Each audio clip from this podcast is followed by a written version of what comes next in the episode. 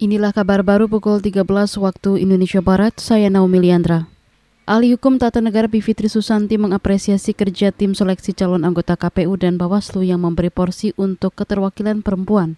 Bivitri juga memuji kinerja tim set yang terbuka dan transparan saat menyeleksi para calon anggota KPU dan Bawaslu.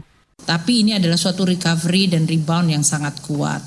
Tahun lalu kontraksi 16, pukul telak oleh pandemi. Tahun ini masih ada pandemi dan masih memukul dengan Delta dan Omikron, namun kita masih bisa tumbuh di 21,6.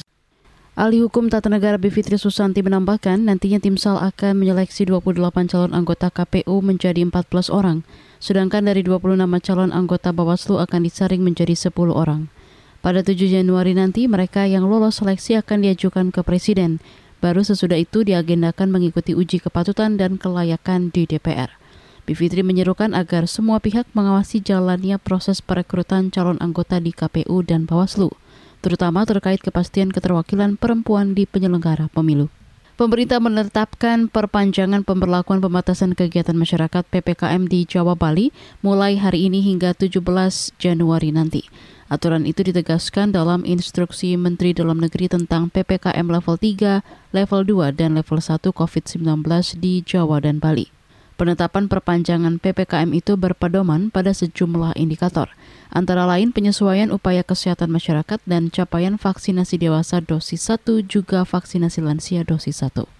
Sebanyak 95 kabupaten kota di Jawa Bali berstatus level 2, antara lain Jabodetabek, Serang, Bandung, Semarang, Yogyakarta, Malang, dan Denpasar. Pemerintah Kota Balikpapan, Kalimantan Timur menargetkan vaksinasi anak usia 6 hingga 11 tahun selesai akhir bulan ini.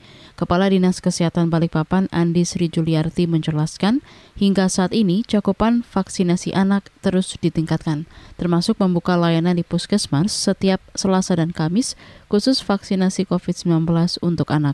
Di Kota Balikpapan pada awal tahun ini mencapai 55 persen dari total 65 ribu anak. Kendalanya apa sejauh ini? Tidak ada kendala, Alhamdulillah. Targetnya sendiri selesai sampai kapan? Pada akhir Januari ini.